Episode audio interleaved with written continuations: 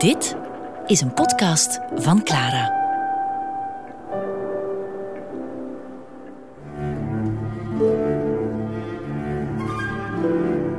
Leven en lijden van Godfried Bomans.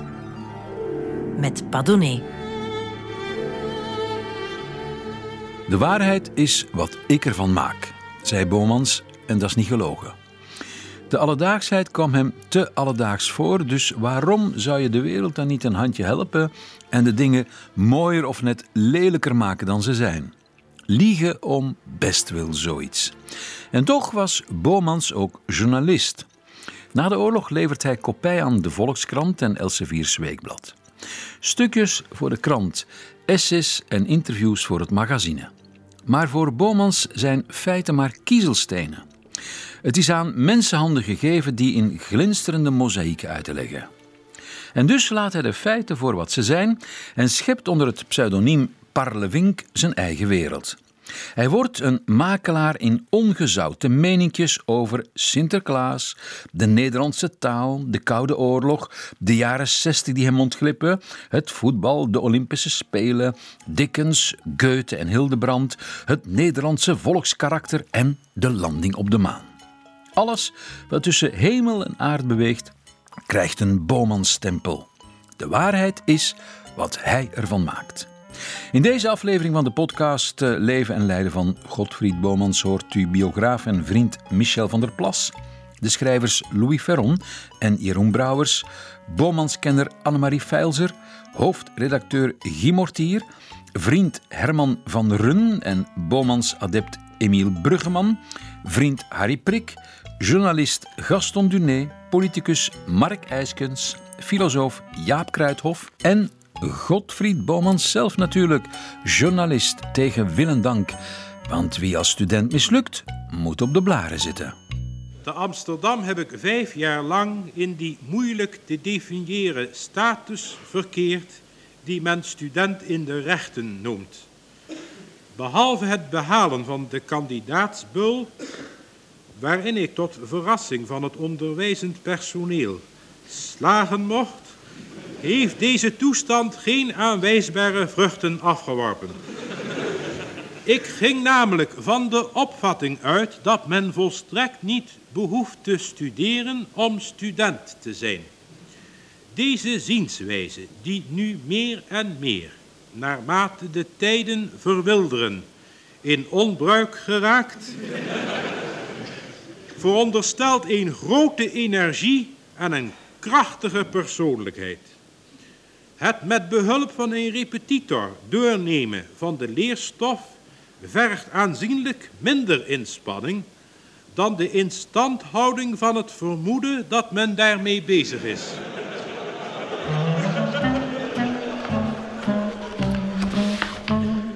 In een van die brieven staat: Op het ogenblik dat je dit leest, zit ik in de bus naar Nijmegen, die om half acht uit Amsterdam vertrokken is.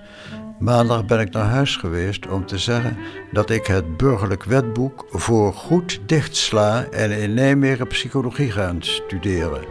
Vader en moeder zijn het er niet mee eens. Dit schrijft dan de 25-jarige Godfried Bomans aan Harry Prene in 1939.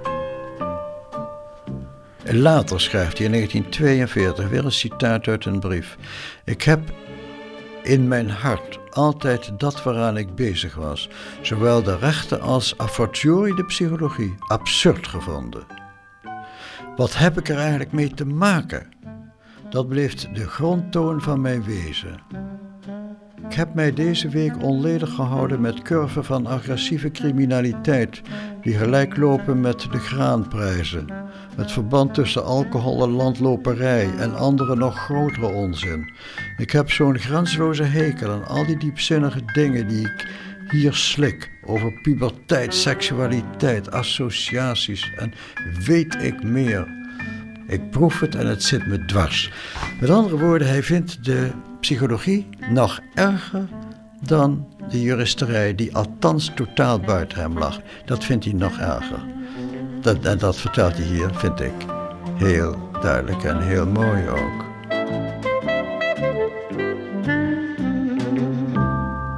Bomans is eerst populair geworden als schrijver. En later verdubbeld, verdriedubbeld, misschien vertienvoudigd. Door radio, grammofoonplaat en televisie. Maar we moeten dat eerste als schrijver niet onderschatten. Wanneer hij na de bevrijding van Nederland in mei 1945 uh, eh, begint te schrijven voor enerzijds het dagblad De Volkskrant als kunstredacteur, anderzijds voor Elsevier's Weekblad zonder bepaalde toewijzing van een specialiteit. Eerder zou je kunnen zeggen als, als humorist. Dan krijgt hij toch een geweldig lezerspubliek. Om te beginnen in een dagblad, Volkskrant, dat al heel gauw een grote oplage kent. En waarin hij een enorm publiek aan zich gaat binden. Een eigen column. En daarin kan hij zijn gang gaan. Hij mag daarin schrijven over wat hem ook zint in de marge van de actualiteit. Dat is iets revolutionairs. Voor Nederland althans, in een dagblad. U moet niet vergeten dat in de, in de katholieke samenleving van toen uitsluitend katholieke kranten werden gelezen. En met name de Volkskrant, die toen nog de ondertitel Katholiek Dagblad van Nederland voerde. Uh, op zaterdag was de grote attractie van de Volkskrant uh, het hoekje van Bomans. Uh, rechts beneden, daar had hij zijn, zijn vaste column, geheten Parlevink. En ik weet nog, mijn vader die stond niet toe dat iemand anders die krant in handen nam voordat hij zelf Bomans had gelezen. En daar werd uit geciteerd. En wat Bomans zei, dat werd becommentarieerd. Dat was een gesprek aan tafel. Meneer Bomans zegt zus en zo, dit en dat. Hij was uh, behoorlijk conservatief. Maar dat, uh, in dat opzicht was de Volkskrant toen ook nog een, een, vrij conservatieve krant, een katholieke conservatieve krant. Dus hij was daar niet, bepaald niet misplaatst in. De Volkskrant is, zoals je wellicht weet, uh, heeft een volte vaas gemaakt. En is in de zestiger jaren een, een, een idiotenkrant geworden. Die met iedere progressieve min meewaaide. maar Bomans bleef altijd wel zichzelf. Tot zijn, tot zijn schande en verdriet vermoedelijk. We leven in een maatschappij die doordrenkt is van seksualiteit. De advertenties der bioscopen in de kranten, hun uitstalkasten in de straten, de kiosken van tijdschriften, de omslagen van pocketbooks, de beeldromans en zelfs de affiches voor gebruiksartikelen, ze zijn allemaal toegespitst op dat ene punt waar een man het kwetsbaarst is: de erotiek. Op deze Achilleshiel worden alle pijlen gericht en ook een fabrikant van tandpasta zal er niet aan denken zijn product te adverteren zonder de afbeelding ener overdreven lachende jonge dame, wier decolleté juist ophoudt waar het vermoeden zekerheid wordt. Terwijl wij al dus de seksuele geladenheid tot het uiterste voltage opvoeren, zorgen wij er wel voor dat de onweersbui niet losbarst. Wij handhaven onze christelijke normen van volstrekte maagdelijkheid voor ieder die niet getrouwd is en van even volstrekte monogamie voor gehuwden. Waar de stoppen doorslaan, spreken wij van onzedelijk of misdadig. In deze dubbele houding steekt een onmiskenbare hypocrisie. Wie zijn huis met licht ontvlambare stoffen omringt en vervolgens na de brand op hoge toon schadevergoeding eist, moet niet verbaasd staan als hij geen cent krijgt uitbetaald.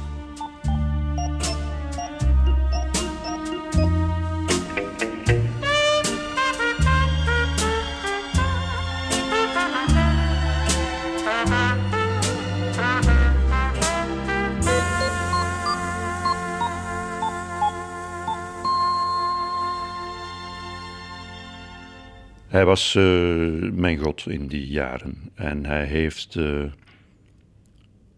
ook zeer erg beïnvloed uh, wat ik van plan was met Humo toen ik hoofddirecteur werd, toen ik 25 was.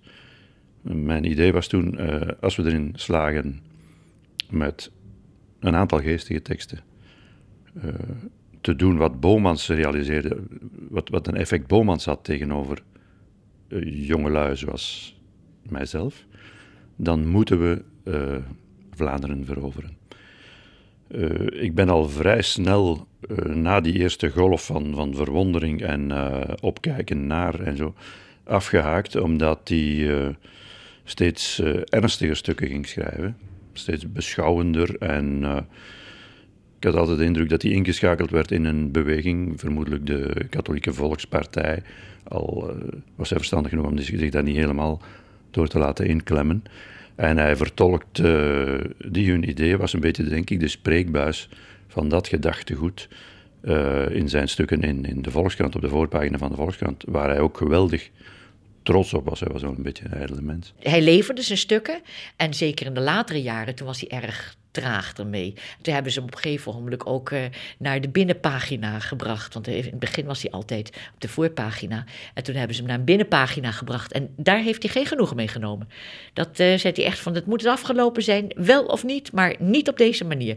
Maar toen hebben ze hem ook gezegd, ja, wij kunnen niet altijd die voorpagina maar vrijhouden voor je. Je moet echt wat geregelder leveren. En dat had hij wel moeite mee hoor. Dat heeft hij echt moeite mee gehad. Om op tijd te leveren, die druk die erachter zat. Het heeft zijn schrijven wel, is het ten goede gekomen. Maar het is natuurlijk aan de andere kant, is het te veel voor hem geweest. En had hij beter dat wat kunnen afhouden. Misschien was er dan wel een echt boek gekomen van hem. Het zijn allemaal hele goede, leuke, kleine dingetjes. Het is dus miniatuurkunst. En uh, ja, als je nou zegt een roman, dat is niet hetzelfde als miniatuur. Dus uh, ik, ik voel ook meer voor tussen de kunstgenres. Is dit een waardig genre? Maar is, dat, is Bomans eigenlijk geen kleinburger? Is dat nu werkelijk een, een voorbeeld van een top. Hij was een burger. Er zijn mensen die geen burger zijn, maar hij was een burger. Een geniale kleinburger. Die zich eigenlijk veelal met symbolische kleine dingen bezighoudt. Rond, rond zijn eigen persoon uiteindelijk. Maar niet met de hele grote problemen van onze tijd. Maar dat mag, hè? dat is geen steen. Maar de knapste mensen zijn de mensen die de beste dingen vinden over de grootste problemen. Dat zijn de allerknapste. En ik weet niet waar dat meneer Bomans nu nachten van bakker gelegen heeft over moderne uh, maatschappelijke evoluties van primair gewicht. Nee, ik vind het niet dat hij belangrijke onderwerpen uit de weg ging. Hij snijdt heel veel onderwerpen aan, alleen hij deed het wel zo dat hij eigenlijk hij deed het voorkomen alsof hij nooit zijn eigen mening gaf. Hij liet het een ander doen, of men zei, of het, het, het werd een groot beeld geschapen, waardoor je niet in de gaten had dat Bomans eigenlijk eh, niet zelf eh, zijn eigen idee gaf erover. Maar, maar nogmaals, hij nam dus zeer serieuze onderwerpen, bijvoorbeeld. Eh, maar daar, daar maakte hij dan direct een, draai aan, waardoor hij dus een architect laat praten, bijvoorbeeld over de huidige stedenbouw. Al die blokkendozen waar iedereen maar in wordt gestopt en de oudjes in de rusthuizen. En dan laat hij die architect op een gegeven ogenblik zeggen van ja, maar hier zou ik zelf natuurlijk nooit in willen wonen. Kijk, zo, zo hoor je dan de manier waarop Bomans over bepaalde dingen denkt, maar dat laat hij dus een ander zeggen. Er is uh, journalistiek werk van Bomans bekend, bijvoorbeeld over, over uh, het allereerste bevrijdingsfeest uh, na de oorlog in Nederland. Het, het vrolijke, uitgelaten volk dat op de dam aan het vieren was. Dat die moffen eindelijk waren opgerot. En, en dat er weer gezongen mocht worden met vlaggen. En, en, enfin.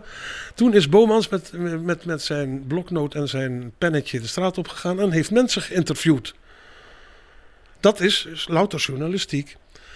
Uh, als journalist is hij een keer op bezoek geweest bij een, een dochter van Nicolaas Beets die nog bleek te bestaan. In, een vermolmd lijk van over de tachtig, maar die is hij toen gaan interviewen.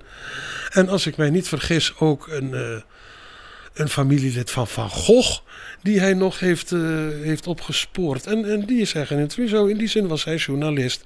Maar of dat nou groot journalistiek werk is, daar, daar wil ik mij niet eens over uitlaten. Daar, daar hebben we het nu niet over. Hij was de journalist. Een poosje. Totdat hem, totdat hem dat verveelde. Hij was aangenomen bij de Volkskrant als chef van de, uh, van de kunstredactie. Uh, maar dat verwaterde dusdanig. Bomans had helemaal geen zin om dat allemaal te organiseren. Die zei: Ja, schrijf maar en uh, doe maar. Ik, ik, heb, ik heb geen zin in de organisatorische kant ervan. Met als gevolg dat dat daar één chaotische bende werd. Hij, hij, hij maakte er maar wat van. Het zijn ook geen grootse stukken hoor, die toen geschreven werden. Maar zo was hij dus als journalist om ergens op af te gaan en dan een recensie te geven, daar had hij niet zoveel behoefte aan daar helemaal geen zin in. Hij moet zelfs een recensie hebben geschreven over een bepaald boek wat hij helemaal niet opengescheurd had. Vroeger waren die bladen allemaal aan elkaar vast, maar dat had hij niet eens opengescheurd. En daar heeft hij toch een recensie over geschreven. Nou, dat is natuurlijk niet zo best. Hij heeft natuurlijk wel een enorme fantasie gehad op dat soort vlak. Maar later als journalist. Um, ja, hij, hij, had toch meer de beschouwende stukken. Hij hoefde niet als er een brand was uh, naar de brand toe. Onmiddellijk na de brand spoeden wij ons naar de brandmeester van Amsterdam, de heer Koperbuik, die ons handen wrijvend in de deuropening tegemoet trad. Dat, riep de heer Koperbuik uit, was weer eens een echte ouderwetse uitslaande brand, nietwaar? Wat is een uh, uitslaande brand, uh, brandmeester? Dat weten wij niet. Wij onderscheiden loosalarm, schoorsteenbranden, binnenbranden en uitslaande branden. Maar wat dat zijn, dat weten wij niet. Maar hoe wist u dan dat dit een uitslaande van de journalisten? Die zien dat direct. Wij blussen alleen. Verder staan wij er buiten. Hoe vond u het dit keer? Een verrukkelijk schouwspel. Niet waar. Eerst dachten we dat de vuurzee zich tot de benedenverdieping zou beperken. Maar jawel hoor, de bovenverdieping ging er ook aan. En uh, de huizen ernaast, brandmeester? Pardon? De huizen ernaast, brandmeester. Brandmeester Koperbuik glimlachte. Ik uh, meen u te begrijpen, zei hij. U bedoelt de belendende percelen. Dan nu, ik moet toegeven, ze staan nog. Maar één ding hebben we bereikt: waterschade. In elk daarvan heb ik 800 ton water gegooid. Ik maak mij sterk dat ze weer van de grond af moeten worden gebouwd. Na een brand kan er nog wel eens wat overeind staan. Maar heb je de spuit er eenmaal opgezet, dan is het afgelopen. Ik zeg altijd tegen mijn mannen: liever geen halfwerk, doe het grondig. Brandmeester Koperbuik keek over zijn sigaar heen in het onbestemde. Zijn door de vlammen gebruind gelaat nam een verzaligde uitdrukking aan. Bomans werd natuurlijk bij, werd bij een krant aangenomen op grond van zijn kwaliteiten als stylist. Het was niet een man die je op de dagelijkse klussen moest zetten. Want hij gaf veel te persoonlijke kleur aan, aan, aan de verhalen. En dat mocht nog helemaal niet. Hij was er natuurlijk ook altijd op uit, en wat de meeste journalisten toch niet zijn, om ook natuurlijk naar een bepaalde pointe toe te schrijven. En ook daarin allerlei ja, kleurige noten te strooien. Uh, en en uh, one-liners die je dus uh, ja, lang bijbleven. Hè? Dus nee, ik noem dat niet een journalist. Maar ja, ik vind dat ook betrekkelijk onbelangrijk. Hè? Denk ook dat hij, dat hij zelfs een beetje op, uh, beledigd zou hebben gevoeld als iemand hem voor een journalist had versleten. Leven en Lijden van Godfried Bomans. Met Padone. Was Bomans de eerste columnist in onze contraien? Bomans-fans zouden het graag zo zien, de critici aarzelen. Maar vriend en vijand is het erover eens. Bomans zette de column op de journalistieke kaart. Punt. Op 5 november 1954 titelt hij zijn stukje in de Volkskrant Er deugt eigenlijk niets van. En hij bedoelt: lees maar, beste lezer, er staat niet wat er staat. Misschien is de uitslaande brand waar hij over rapporteert niet geheel verlopen zoals hij het heeft opgeschreven. Sterker nog, misschien was er van een brand helemaal geen sprake. Maar who cares? Het levert leuke kopij op, je lacht, je mompelt eens binnensmonds hoe verzint hij het en vervolgens gaan schrijver en lezer hun eigen weg. Feiten zijn kiezelstenen. Ja, het, daar kun je niks mee. Je moet het aan elkaar maken, dan wordt het iets. Je moet er een verhaal omheen schrijven. Het, het, is, gaat om het hele. Je moet het verband van het een met het ander zien. Dan wordt het iets. Zomaar feitjes op zich. dat stelt niks voor, daar kunnen we niks mee. En Bommans heeft de kleine kiezelstenen tot één groot verband geweven. Heeft het duidelijk proberen te maken wat zijn ideeën erover zijn, zonder duidelijk te zeggen dat hij vindt dat. Maar het kan natuurlijk niet anders. En op die manier zijn feiten zijn kiezelstenen. Ik denk dat hij daar dus uh, altijd het, het, het, antwoord zelf altijd gegeven heeft. Uh, de waarheid is wat ik ervan maak. Uh, in veel gevallen, en dat is juist het moeilijke aan Bomans. Je kunt daar dus een, een column lezen en dan echt verwonderd over zijn dat dat, dat, dat zo, zo gegaan is, terwijl dat het in, in wezen misschien totaal verzonnen is. Ik wil even een klein verhaaltje vertellen wat dit illustreert. Het is een sprookje van een man die in zijn dorp s'avonds aan de dorpelingen verhalen vertelde. Die verhalen waren helemaal niet waar. En daarom waren ze zo verrukkelijk. En hij vertelde dan bijvoorbeeld dat hij een blauwe draak had ontmoet. toen zei hij, dan wandelde ik nog een eindje door en toen zag ik een zilveren zeemeermin. En toen ging ik weer een bochtje om. En wat kwam ik daar tegen? Een witte olifant. Nou, de dorpelingen waren helemaal ademloos. En die man had ook zelf een rood hoofd van het liegen. En iedereen was verrukt. Op een avond ging die man wandelen, alleen, voordat hij zou gaan vertellen. Hij had nog een kwartiertje de tijd. En wat kwam die tegen? Een blauwe draak. En hij ging weer een hoekje om en toen kwam hij tegen een zilveren zeemeermin. En tenslotte zag hij een echte witte olifant. Toen kwam hij in het dorp terug. En toen vroegen ze hem, wat heb je nu gezien? En toen zei hij, vandaag heb ik niets gezien. Als hij een verhaal vertelt, de basis is altijd de waarheid. Dat is echt werkelijk waar hoor. Dat, de, bij alle dingen kun je dat terugvoeren. Het is echt zo.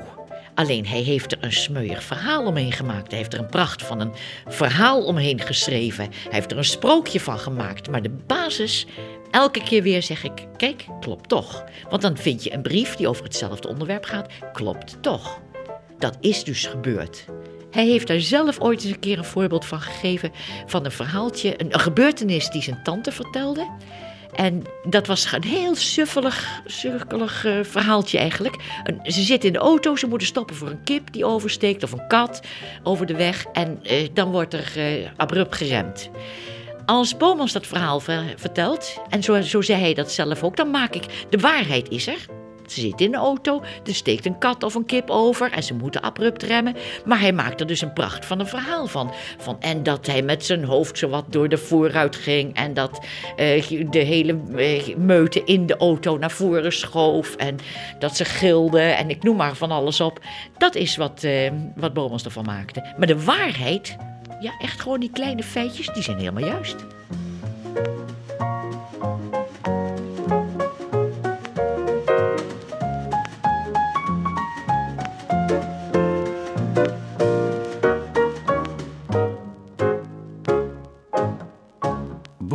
Kon liegen alsof het gedrukt stond, schrijft Jeroen Brouwers. En de kunst van dit liegen had hij van zijn vader geërfd.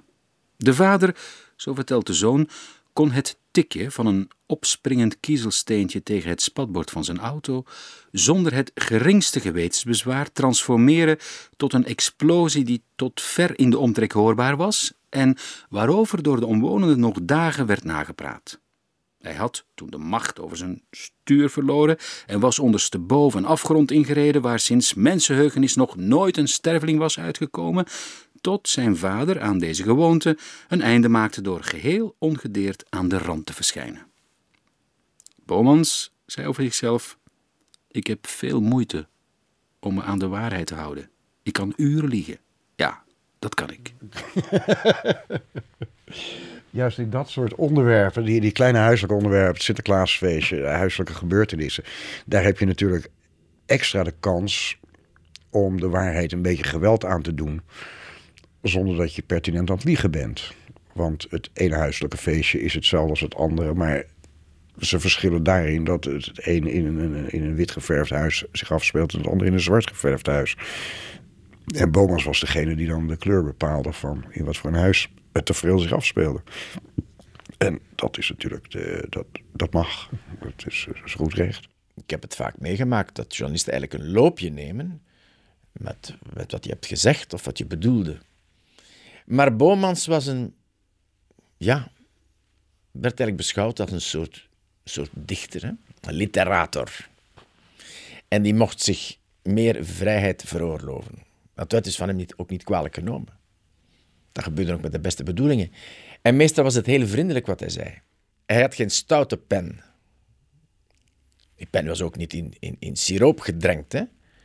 Uh, kon, hij kon erg ironisch zijn, soms sarcastisch, maar kon niet zeggen dat hij boosaardig was. Bomans was in de tijd dat hij voor de Volkskrant schreef, was hij toch een, een soort voorloper van de huidige generatie van columnisten. Het, uh, het columnisme was in die tijd in Nederland althans een, een nauwelijks bestaand verschijnsel.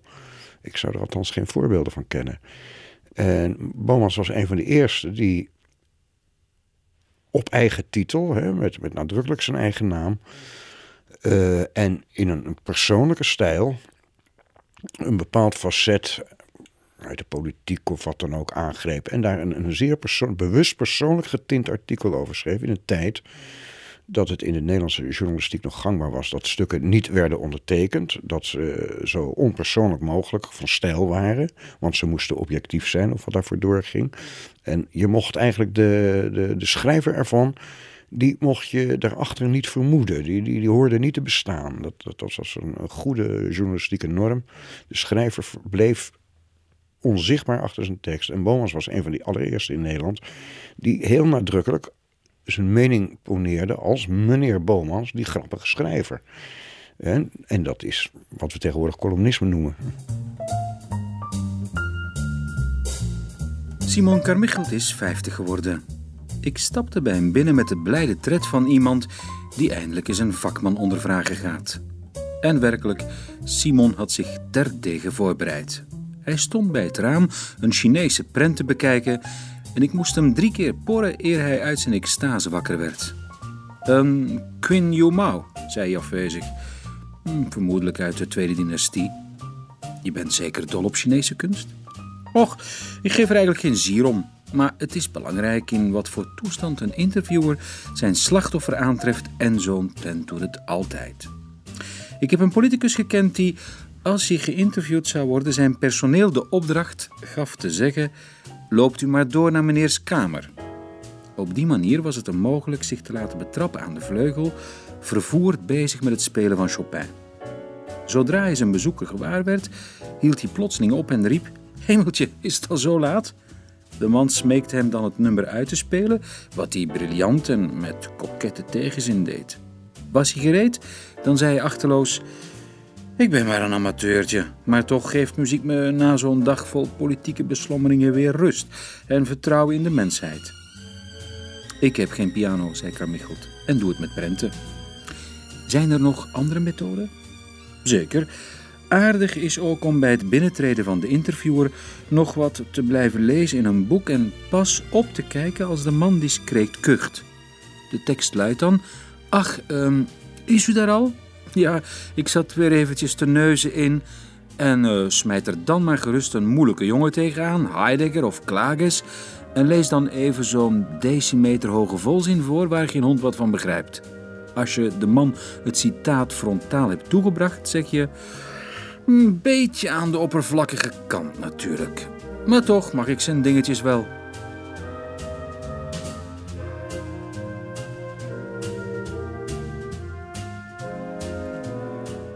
Het, lag er niet eens aan welk onderwerp hij aansneed, dat deed er niet toe. Het was een genot om, om die dingen te lezen. Louter uh, zoals ze geschreven waren. Uh, een, een, een, groot denker was hij niet. Hè? Dus echt, echt een, een, zoals, zoals columnisten tegenwoordig zijn. Die moeten een mening hebben. En liefst een tegenkantige mening. En liefst moet er gescholden worden. Of, of iemand moet eens bij zijn haren getrokken worden. Of tegen zijn kloten gestampt. Zo'n columnist was Bomans niet. Hij had uh, meninkjes over de dingen van de dag. Het, het nut van carnaval. Moeten wij Tap to Delft in ere blijven houden. het, het gezellige van kerstmis en, en dat, soort, dat soort, nou ja, oudbollige zaken. Maar daar wist hij toch een, een bepaalde sprankeling aan te geven door een, door een, door een visie, een, een, een beschouwende plagerigheid. Zo, zoiets in deze trant zou je het kunnen benoemen. En als zodanig was dat, was dat zeer leesbaar. Er zijn een aantal chronieken die voor, die voor mij grote modellen van journalistieke chroniekschrijverij blijven. Die ik altijd zal bewonderen, denk ik. En die, die werken inspirerend. God, het begint bij Bomans als journalist. Vanaf daar uh, geldt mijn respect voor Bomans. Zijn journalistieke werk, zijn essayistische werk, beschouwende werk en zo. Dat, dat, daar uh,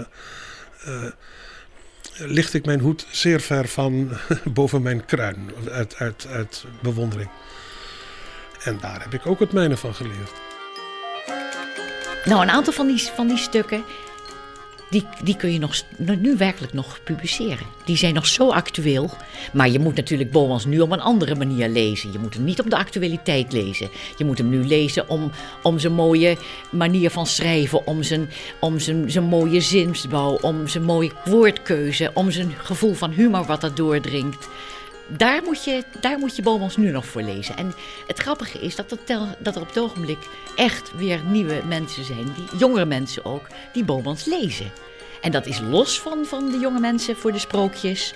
En dat is los van Erik eh, of het kleine insectenboek en de Pieter Bas. Want die zijn natuurlijk wel bekend en die blijven ook. Dat blijft echt gewoon literatuur wat in Nederland altijd te lezen is. Daar ben ik van overtuigd.